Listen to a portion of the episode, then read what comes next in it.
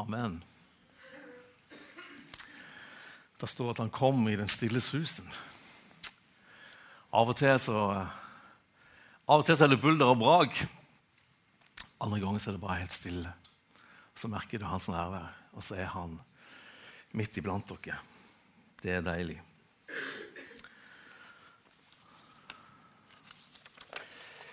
Ja, har dere det bra?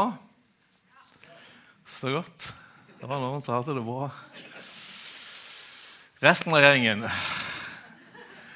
skal vi Jeg satt altså og lekte litt Eller jeg lekte ikke, men jeg satt og skrev. Og så, og så var det ordet 'menneskefisker'. Sant? For Jesus sa jo det at uh, han skulle gjøre dem til menneskefiskere, disiplene. Men så ble det plutselig for meg så ble det menneskefiksere. Det er sånn Av og til når du ikke kan si 'fisker', så blir det 'fiks'. sant? Så tenkte jeg på, Det var jo et godt uh, ord, egentlig. For at, uh, Vi er jo egentlig kalt både til å være menneskefiskere, men også til å være menneskefiksere.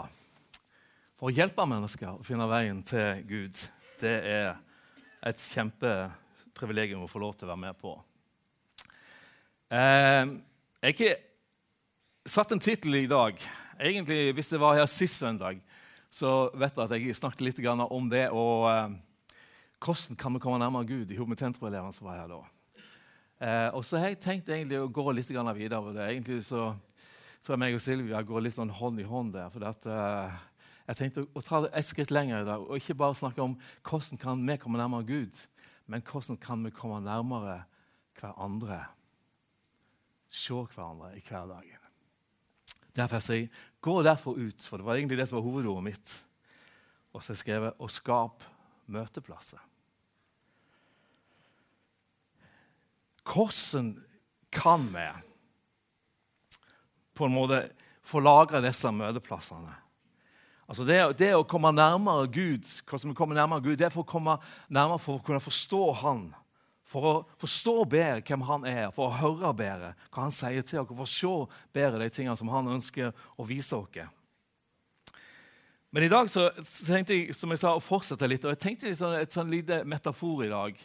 Der, der på en måte, Hvis dere ser for dere at Herren han har dekka bord for deg og for meg og Han gjør det av og til. Jeg tror Jesus elsker å dekke bord. Han elsker å komme til bord, han, til bords. Han elsker å være der menneskene er. Og sånn som vi hørte i begynnelsen, så forteller, liksom, Denne menigheten er en menighet som samles her, som har et fellesskap der vi tilhører. Men, vi er òg en menighet som har mennesker som går ut og forkynner evangeliet på andre måter enn det kanskje du og meg gjør i, i hverdagen vår. Det er fordi vi har fått forskjellige tjenester og forskjellige oppgaver. Men jeg tenkte, tenkte på det i dag at uh, på en måte så, så ønsker jeg at uh, det skal se det bildet av at Gud han dekker bord at vi kan få lov til å se dere ned og så ha på en måte den der dialogen med Han. Derfor har jeg, har jeg satt den overskriften 'Gå derfor ut' med den undertittelen 'For å gå og skape møtestedet'.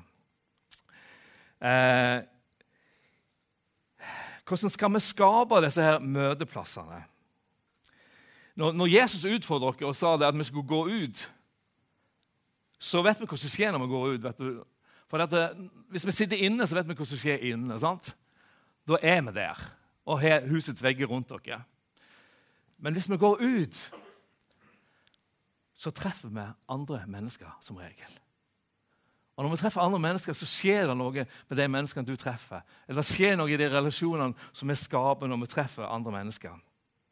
Og her, på dette området, og på så mange andre områder, så var og er Jesus en mester.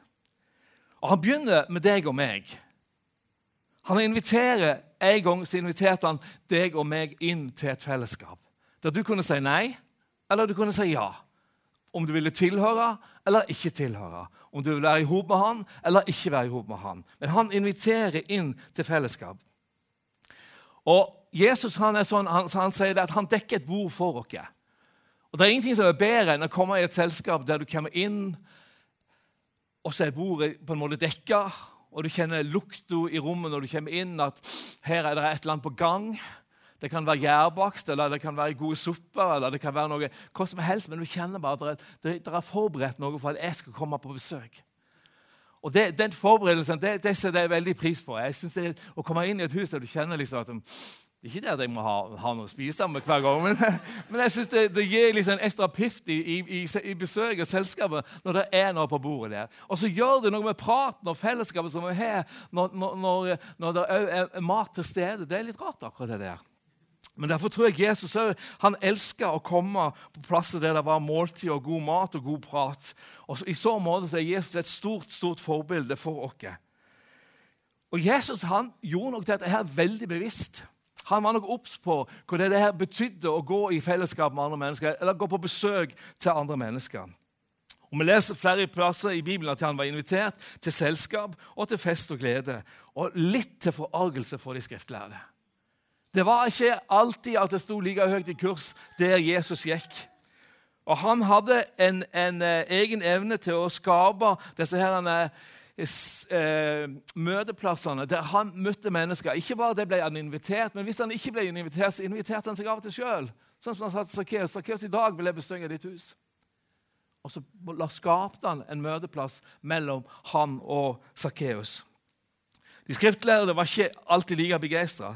De kalte Jesus for en, for, for en, dranker og en storspiser. At han var rundt og, og spiste og drakk sammen med mennesker som var tollere og syndere til og med. Og En toller i dag er kanskje ikke en som kanskje tenker er det verste sorten. Men på den tida så var det det, for de krevde inn penger, og de tok av og til og ganske ofte altfor mye enn det de skulle ta. Og det at Jesus òg satt til bords med syndere, folk som ikke var jøder, folk som ikke de skulle ha fellesskap med, det ble òg en ekstra irritasjon for de skriftlærde. De skulle ikke gå inn på sånne plasser engang. Og Jesus han sier det sjøl. Han sammenligner seg sjøl med Johannes, og så sier han det. Da døperen Johannes kom, i Lukas eh, 7 Var jeg der? Yes. Da døperen Johannes kom, beskyldte dere ham for å være besatt av en demon fordi han ikke ville spise brød eller drikke vin. Ok? Men så kommer jeg, sier Jesus. Og da klager det på at jeg spiser og drikker for mye. De klager oss òg over vennskapet som jeg har med tollere og syndere. Jesus så at det var jammen ikke lett å være menneske. Og uansett hva han gjorde, så ble det feil i øynene på de skriftlærde. Men Jesus visste at det fellesskapet han fikk bygge gjennom relasjoner, og de måltidene han hadde, han visste at de var livsviktige. Han var et forbilde i det han gjorde, og la stor vekt på det. Derfor kommer han på samme måte òg til deg og meg. Du og meg er like interessante i hans øyne som alle andre. Han gjør ikke forskjell. Han vil inn til deg og meg. Han vil inn i vårt hus. Det var ikke bare Sakkeus han ville invitere seg inn. Han sier det samme til deg og meg. Kurt, i dag vil jeg bestyrke ditt hus. I dag vil jeg komme ned til deg. I dag vil jeg dekke bord for deg, så du kan få lov til å sette deg ned og vi kan spise og ha måltid i hop. Derfor sier han i Åpenbaringen 3.20.: Jeg står for døra og banker. Om noen hører min stemme og åpner døra, så vil jeg gå inn til han og spise i hop med han, og han skal få spise med meg. Du ser, Jesus elsker fellesskap. Han vil ikke bare spise med oss, men vi får også lov til å spise med han. Det er et privilegium. Har kongen til bords. Det er hans første prioritet. Vi kan lure av og til har Jesus tid til dette. her? Ja, han prioriterer det først av alt. Og så står Det det at eh, det er ikke så, er ikke så vanskelig for ham, for der står det at han er ikke langt borte fra noen av oss. For det er han vi lever, beveger oss og er til. Det er i han vi lever og beveger oss til, og han er ikke langt vekke. Vi siterer ofte hans ord, men vi burde av og til kanskje se enda mer, eller like mye, på hva han gjorde, og hvordan han oppførte seg, og hvem han var, som et forbilde for deg og meg. Han kom nær til mennesker rundt seg. Jesus var forbilledlig på den måten. Og med sin ånd så er han tatt bolig i deg og meg. Og hva vil det si? Jo, han, han har kommet så nært som mulig som han kan. Han har på en måte tatt en plass her inne der han har tatt bolig, og der han er til stede i ditt og mitt liv. Så lenge vi har sagt ja til ham, og Den hellige ånd har fått rom i vårt liv, så bor han her med sin ånd i deg og meg. Og nærmere kan du ikke komme. For han er på en måte blitt en del. Du kan ikke på en måte rive han vekk uten at du bevisst gjør det. Han vil alltid være der med oss. Og Da gjelder det å lytte til hans stemme, invitere han og være klar for de gode samtalene. Det kan ikke bli nærmere i oss, ansikt til ansikt, øye til øye, hjerte til hjerte. Og så begynner han å tale ordet inn. Når vi satt dere ned, når jeg satte meg ned, så begynner Gud å tale ordet inn. Til en, si, til en synder som meg, så er han ti. Så sier han, 'Kurt, sett deg ned med bordet. I dag skal jeg fortelle deg noe.' Hæ? Skal du fortelle meg noe? Ja, i dag skal jeg fortelle deg noe. Og Så begynner han å fylle hodet mitt med tanker, med ord. Så åpenbarer han, så serverer han, og så spiser jeg av det han dekker. Og Han dekker bord for meg, og jeg får samme følelsen som David gjorde i salmen, der han sa 'Herren er min hyrde, jeg mangler ingenting'. Han lar meg ligge i grønne enger. Han leder meg til vann der jeg finner hvile. Han fornyer mitt indre. Han leder meg på rette stier fordi han er god. Ja, Sjøl gjennom livets største prøvelser så trenger jeg ikke være redd, for jeg vet at du er med meg. Du veileder, trøster og beskytter meg. Du gir meg det jeg trenger. Ja, sjøl for mine fiender, eh, foran mine fiender. Hos deg mangler jeg ingenting, og du velsigner meg mer enn det som jeg kan ta imot. Sånn er han. Din nåde og godhet jager etter meg alle dager av mitt liv, og jeg vil tjene deg, Herre, både nå og til evig tid. Og Jeg føler av og til at det å sette meg til bords med Jesus og ha den innstillingen på at nå, Gud, nå må du tale inn i mitt liv. Nå må du gi meg et eller annet. Nå må jeg få lov bare til å sette meg ned her og ha tid til å lytte til hva du har å si. Det er sånn Salme 23-opplevelse i mitt liv. Det er sånn en jeg holdt på å si, Det er en Kristus nær-opplevelse som du og vi kan ha hvis vi har tid til han og setter av tid til han og sier 'velkommen inn', og så dekker han bordet. Det er fantastisk med Gud. Og du og meg må se hva Jesus gjorde, og hva han ønsker når han sier til oss at han ønsker å komme inn og ha måltid med oss. Spise i hop med oss. Og Det er alltid spennende å tenke på hva har han på menyen i dag. Og Sist jeg setter meg ned og sa til, sa til Gud Gud, må nå må du gi meg et ord. Nå må du gi meg noen tanker for deg. Så er dette her sånn, så dekker han bordet for meg igjen og så sier han, Kurt, kom og se deg. Og så går jeg inn til han, på en måte, og så setter jeg meg ned. Og så, så sitter jeg her. og så og så sier han, 'Kurt, i dag har jeg et ord til deg.' Så spennende, sier jeg. Hva er det du tenker å si til meg? Ja, jeg har et ord som jeg, som jeg vil dele med deg. Og så serverer han på fat ordet til meg. Og så kommer han med dette ordet. Jeg har ikke fått all makt i himmel og på jord. Gå derfor ut og gjør alle folkeslag til mine disipler. Døyp de i Faderens, Sønnens og Den hellige ånds navn Lær de å leve på den måten som jeg gir befaling om. Og glem aldri, jeg er med alle dager, helt til verdens ende. Og Disse ordene er jo kjente ord som vi har hørt alle sammen før, tenker jeg. Men nå skal vi tygge litt på disse ordene i hopa. Smake litt ekstra på dem. Grunne litt på det og tenke hva er det Gud, hva er det, hva er det Jesus du vil fortelle meg med at du, du deler dette ordet til meg? Ja, han forteller meg en viktig ting. Kjempeviktig ting. Han sier det at Kurt, jeg har fått all makt i himmel. Jeg har fått all makt på jord.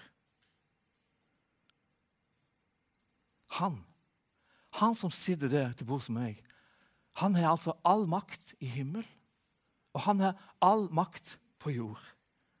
Og det, det er jo fantastisk å ha en sånn person å kunne dele livet sitt med. Det forteller meg at det er ikke hvem som helst jeg har med å gjøre. Han ser på meg og sier, 'Gå derfor ut'. Gå derfor ut, sier jeg til Gud eller til Jesus. Hvor skal jeg gå hen? Hvem skal jeg gå til? Nei, sier han, det det trenger ikke være så langt. Mange ganger så tenker vi misjonsmarken. Når vi leser disse versene, tenker vi at da må vi ut i de store land. Vi må reise langt av sted. og Vi må forkynne evangeliet til menneskene som er der ute, som aldri har hørt før. Og noen skal det. Sånn som vi ser Harald har vært med på nå. Men det er ikke det som Jesus prøver å fortelle til meg. Han sier du trenger ikke gå så langt, Kurt. Du kan egentlig bare hoppe over gjerdet til naboen. Det er mennesker i din og min nærhet som trenger at du og meg er der for dem. Men, sier jeg til Jesus, men det hjelper jo ikke så mye om, om jeg går ut. Jeg tenker, Det er jo du som har all makt i himmel og på jord. Hva skal jeg, lille Kurt, hva skal jeg gjøre ute blant menneskene? Jau, sier han. Du må lese siste linja òg. Det står Og glem ikke at jeg er med dere alle dager. Jaha. Altså Han som har all makt i himmel og på jord, han har lovt at han skal være med meg alle dager. Og derfor skal jeg gå ut. For at han vil være med. Og Til mer jeg tenkte på dette, her, til mer befriende ble den der tanken på at eh, det er Han som har all makt i himmel og på jord. Og derfor skal jeg gå. Ja vel, tenker du gjerne. Hva er forskjellen der? Jo, Forskjellen er det at du og meg tenker mange ganger Iallfall så tenker jeg mange ganger det at jeg må få det til. Jeg må klare det. Det er meg det står på når ting ikke skjer. Men så tenker jeg det ble sånn en befriende tanke for meg. Og tenker jeg at Gud sier nei, det er meg som har all makta i himmel og på jord. Og jeg skal være med deg. Jeg er ikke langt vekk fra noen av dere, for det er meg du lever til. Men jeg skal gå med deg og gjøre mine gjerninger der du går. Han som har all makt i himmel og på jord. Det er, altså, det er, det er, det er nesten det samme som en, en, si, en, kvinnes drøm. Å ha med seg én på shopping som har alle millioner som fins i banken, og så er det bare å shoppe. Sant? For det at du, du får betalt og du får dekka alt det du gjør, for han er med og betaler. Du har det ikke sjøl, men han betaler. Eller det kan være en manns det, sant? Hva som helst. Men vi har noen med som dekker opp for det som vi gjør, og som betaler regningen og skylda for oss. Og det er jo fantastisk. Jeg skal ikke gå for det at jeg har all makt, men for det at han har all makt i himmel og på jord. Det er ikke avhengighet av min flinkhet eller hvordan jeg får det til. Det er bare avhengighet i at jeg tør å gå ut og gjøre det. Å gå i hans navn og utøve hans makt. Da gjelder det ikke lenger de få, men da gjelder det alle, deg og meg. Hvite, store, svarte, små. Tygge litt mer på det. Vi har ofte unnskyldninger som sier at ja, men jeg får det ikke til. Og Da er det så bra å vite at jeg trenger slett ikke få det til. Det er han som er med meg, som skal få det til. Det er han som har tatt ansvaret for meg. Jeg skal bare følge hans eksempel. Jeg skal være med og fortelle mennesker om hvem Jesus er. Jeg skal invitere dem inn til måltid som er med og lede dem til, til, tro. Jeg skal hjelpe dem å se dåpen. Jeg skal lære dem og undervise dem og dele erfaringer som jeg har gjort med han, som misjonsbefalingen sier. Men så skal han være med og gjøre det. Virke i oss, med oss. Bevise sin allmakt gjennom det han gjør. Og det ser Jesus han talte også til de store massene og sto ute. Men ofte var det, det i de små øyeblikkene, de små anledningene han hadde, de små møteplassene der ansikt møtte ansikt, der han forteller om mennesker som ble forandra i livet deres. Derfor tenker vi ofte som 'gå og gjør', som om det er misjonærens og evangelisten sin arena. Men Jesus sier 'gå', Kurt. Gå og skap disse her møteplassene. Disse her øyeblikkene der du møter andre mennesker ansikt til ansikt. Der du får samtalene som vi ser Jesus gjorde. Hvorfor tror du han satt med brønnen når kvinnen kom der? Han visste jo selvfølgelig at folk samla seg der. Han visste jo at det ville komme mennesker ut der som han skulle møte. Og Sånn er det i vår hverdag. Det er mennesker som vi møter. Som vi kan møte med et smil, som vi kan møte med et håndtrykk, som vi kan gi en klem, som vi kan komme med en oppmuntring til. Ting som vi får lov til å oppmuntre andre i hverdagen. Jeg vet ikke om dere har tenkt på det, men livet består jo av disse her små øyeblikkene. Det består jo av gleden av å få en oppmuntring av et menneske. Det består jo av et smil når du går på butikken. Det består jo av et barnebarn som kommer og slenger seg rundt halsen på deg når de ser deg. Det består av disse gylne øyeblikkene som gjør at livet blir verdt å leve, og som til sammen danner det som vi kaller for livet.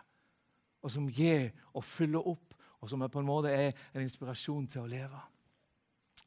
Og Det er disse øyeblikkene du og meg òg kan få lov til å, å, å, skape underveis med de menneskene som vi møter. Jeg tenker på kvinnen ved brønnen, som jeg sa. Tenker på Sakkeus han møtte. Jeg tenker på Martha og Maria som satt eller Maria som satt, og Martha som arbeidet. Det møter med Jesus der han forklarer, der du ser at han deler sitt hjerte med mennesker.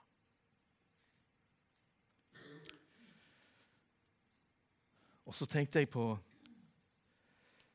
Jesus. Jeg tenkte på det Jeg ønsker bare så at, at, det skal bli noe som er ditt, og noe som er mitt. At vi skal se det at det, når misjonsbefalingen lyder ut, så er det ikke noe som gjelder bare for de store vyene langt der ute. Men når misjonsbefalingen lyder, så er det for at du og meg skal få kjenne at det er vi som kan bety en forandring i noen mennesker sitt liv. Det er vi som kan bety en forandring i de, de som vi møter. Det er vi som kan få lov til å være til begeistring. Det er vi som kan få lov til å gi det håndtrykket, gi det smilet. Vær hans hender og føtter i vår hverdag. Og så er det klart at han som har all makt i himmel og på jord, han har makt til å gjøre store under. Han har makt til å helbrede syke. Han har makt til å reise opp mennesker som ligger nede. Han har makt til å fjerne frykten i menneskers liv. Han har makten til, til, å ta det som ligger lengst nede, og løfte det opp. Men så tenkte jeg, når jeg satt og tenkte, leste, så tenkte jeg Jesus, hva, hva er det som betyr mest for deg i din hverdag? Når du ser ned på den skaren som går på Betania søndag etter søndag, når du ser de menneskene som, som, som du er frelst og som, som har gitt sitt liv til deg, hva er det som betyr mest for deg? Og så var det et ord som begynte å, å rulle igjen i, i, i, mitt indre, i tankene mine. Og så tenkte jeg eh, Ja, kan jeg ta det med? Eller kan jeg ikke? For dette jeg kom så på et ord som Jesus sa, eh, hva som vil bety noe når livet vårt er slutt. Når alt er slutt, når alt er over. Hva, hva skjer da? Så har Jesus en fortelling som han forteller sjøl i Matteus 25, 31. Det som står som overskrift, er at menneskesønnen skal dømme alle folkeslagene. Og så sier Jesus når menneskesønnen kommer i sin herlighet, og alle de hellige engler med ham, da skal han sitte på herlighetens trone. Og alle folkeslagene skal bli samlet framfor ham, og han skal skille dem fra hverandre, slik som gjeterne skiller sauene fra geitene. Og han skal stille sauene ved sin høyre side, men geitene ved sin venstre side. Så skal kongen si til dem på høyre side.: Kom, dere som er velsignet av min far, av det riket som er gjort ferdig for dere, fra verdens grunnvoll ble lagt. Og så kommer det. For jeg var sulten, og dere ga meg mat. Jeg var tørst, og dere ga meg drikke. Jeg var fremmed, og dere tok imot meg. Jeg var naken, og dere kledde meg. Jeg var syk, og dere besøkte meg. Jeg var i fengsel, og dere kom til meg. Da skal de rettferdige svare med å si, Herre, nå så vi deg sulten met, eller mettet deg, eller tørst og ga deg å drikke. Nå så vi deg som en fremmed og tok imot deg, eller naken og kledde deg. Eller når så vi deg syk eller i fengsel og kom til deg? Og kongen skal svare og si til dem, sannelig sier jeg dere, alt dere gjorde mot en av mine minste søsken, det gjorde dere mot meg. Ja vel, Kurt, hva tenker du nå? Hvor vil du nå hen? Ja, jeg, jeg undrer meg litt over det ordet. Og så tenkte jeg Hvorfor sier du det du sier, Jesus? Hvorfor Altså, jeg tenkte bare sånn at Hvis jeg var Jesus, så ville jeg sagt det litt annerledes enn det Jesus sier det her. For det at jeg syns han er litt vage i betegnelsene. Jeg tenker, Når han, når han, når han sier det at uh, jeg var sulten, og det ga meg mat. Jeg var tørst, og det ga meg drikke. Jeg var fremmed, og det tok imot meg. Jeg var naken, og de kledde meg. Jeg var sjuk, og det besøkte meg. Jeg var i fengsel, og det kom til meg. Og så tenker jeg Hvorfor sa Jesus Jeg var i fengsel, og det kom, og portene sprengtes og tok meg ut. Jeg ble fri. Eller hvorfor sa ikke Jesus Jeg var sjuk, og det kom og ba for meg, og jeg ble radikalt helbreda og sto opp igjen ifra min seng. Og hvorfor sa han ikke Nei, jeg var jeg var sulten, og de kom og ga meg mat, sier han. Men hvorfor sa han ikke 'Jeg var sulten', og det ba, og det skjedde et mirakel? Og det vokste ei sarepta krukke, så gjorde jeg det alle med. Altså, Forstår du tanken? For det er det Jesus kunne gjort. Det var det Jesus, det var det, det, det som gjør, Han har all makt, han var mektig til å skape disse her underne i menneskene sine liv. Men så kommer han og sier det, at det som gjorde at han skilte klinten fra hveten eller geiten fra sauene. Det var disse her hverdagslige tingene som du og meg kan få være en del av. Det er ikke alltid vi ser det i de store underne. Vi skulle ønske vi så mer av de tingene. Vi skulle ønske vi så mer av miraklene og, og ønske å se Guds kraft enda sterkere i møtene og i vår hverdag. Men så sier Jesus det er viktig. Men det som er aller viktigste, er at vi har øye for det som er rundt oss aller viktigste er òg for de menneskene som er rundt dere, for den nøden som finnes rundt dere, for de som trenger en hånd, de som trenger litt hjelp, de som trenger et smil, de som trenger en oppmuntring. Det er der mennesker i hverdagen vår får møte Jesus gjennom oss. Det er der vi kan være hans føtter og hans hender. Alt andre òg. Men viktigheten av det å være der til stede for mennesker som trenger noen i sin hverdag, den viser Jesus i disse versene, er veldig stor. Og Derfor ønsker jeg så at vi skal se det at eh, du og meg er en del av misjonsbefalingen. Om vi ikke reiser ut, om vi ikke går langt av sted, som er en del av vår hverdag, der han sier 'Jeg er gitt all makt i himmel og på jord'. Gå derfor ut. Ut av dørene. Treff mennesker. Inviter. Ta med noen på kafé. Be de hjem. Lag noe god mat. Gjør noe som du kan komme i samtale og få en god samtale med et menneske som du kanskje ikke prater så mye med før. Og så vil han være der med sin ånd og skape relasjoner som gjør at du kan få være med og lede mennesker til hans hjerte. Det er lett, kanskje, å være åndelig på møter. Men det viktigste er hvem du og meg er bak lukka dører. Mot deres familie. Hvem du og meg er mot deres naboer hvem du og meg er mot deres arbeidskollegaer. Alle disse som er en av hans søsken, som han sa. Gå derfor, for de små ting har betydning. Skap disse møteplassene, for at han har all makt. Da kan jeg trygt òg legge hendene på de syke og be. Jeg kan trygt be om et under i menneskers liv. For jeg kjenner at det ikke er avhengig av meg. Men vi må få vekk det der mindreverdighetskomplekset om at 'jeg kan ikke', 'jeg får det ikke til'. For du kan, og du får det til fordi han har lovt at han er med deg alle dager. Han står bak deg. Han er der når du står i situasjoner som er vanskelige. Så svikter ikke han å springe, men han står der, og han gir deg den kraft og den hjelp som du og meg trenger. Av og til så tenker jeg at når vi tenker sånn små tanker om oss sjøl, så reduserer vi Jesus til et sånn lite minimum. Der vi tenker 'jeg kan ikke'. Det er mest det samme som vi sier 'han kan ikke'.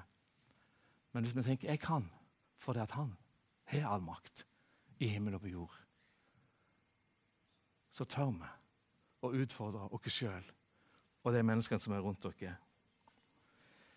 Da kan jeg be om hva som helst for hvem som helst, tid som helst, for Han er alltid med meg. Og det avhenger ikke av min dag. Det avhenger ikke av mitt humør, min flinkhet, min åndelighet. Ting skjer fordi at eh, Han er med, ikke fordi at jeg er så god.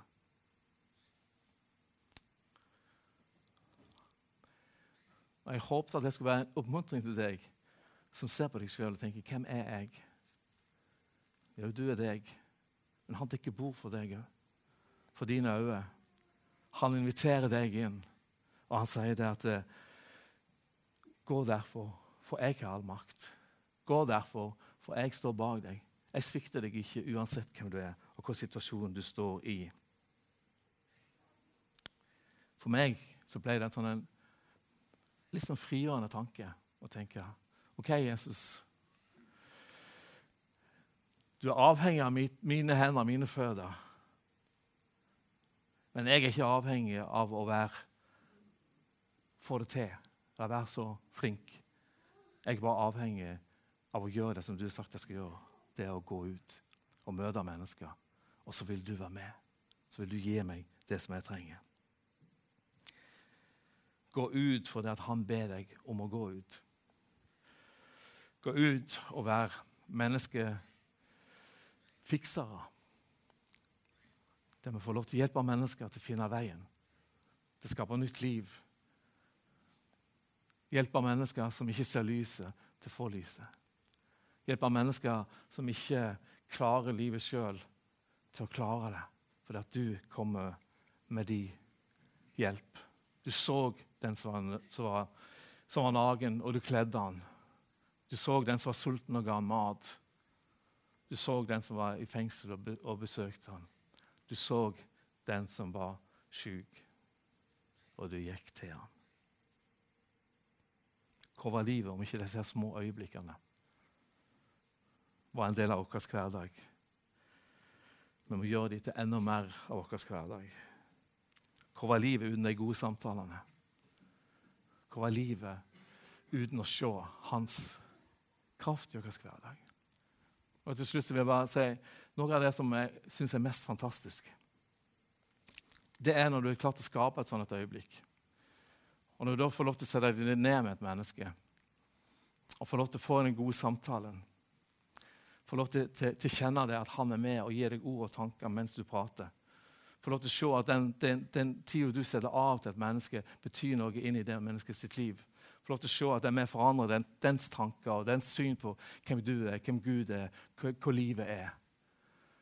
Får lov til å se kanskje at mennesker til meg går så langt at de sier ja, den Gud, den Jesus som du har, han vil jeg òg ha inn i mitt liv. Gleden over å se et menneske bli forandra bare ved at du har satt av tid eller vært der foran. Den kan en leve lenge på. Ingenting er mer oppmuntrende. Derfor den som, den som velsigner andre, blir sjøl velsignet. Den som lesker andre, vil sjøl bli leska. Så Derfor var min utfordring i dag til å se ikke bare hvordan vi kan komme nærmere Gud, men se det at Gud ønsker at vi skal gå nærmere mennesker og hva neste. Og den, din neste er dine, holdt på å si, din neste er dine neste, og mine neste er mine neste. Som jeg skal ta meg av. Og se at det er de små tingene i hverdagen som kan bli til store ting og til forandring i menneskets liv. Amen. Jesus, jeg bare takker deg for ditt ord. Takk for at du er med, Herre. Takk for at du gir styrke. Takk for at du gir kraft, Herre.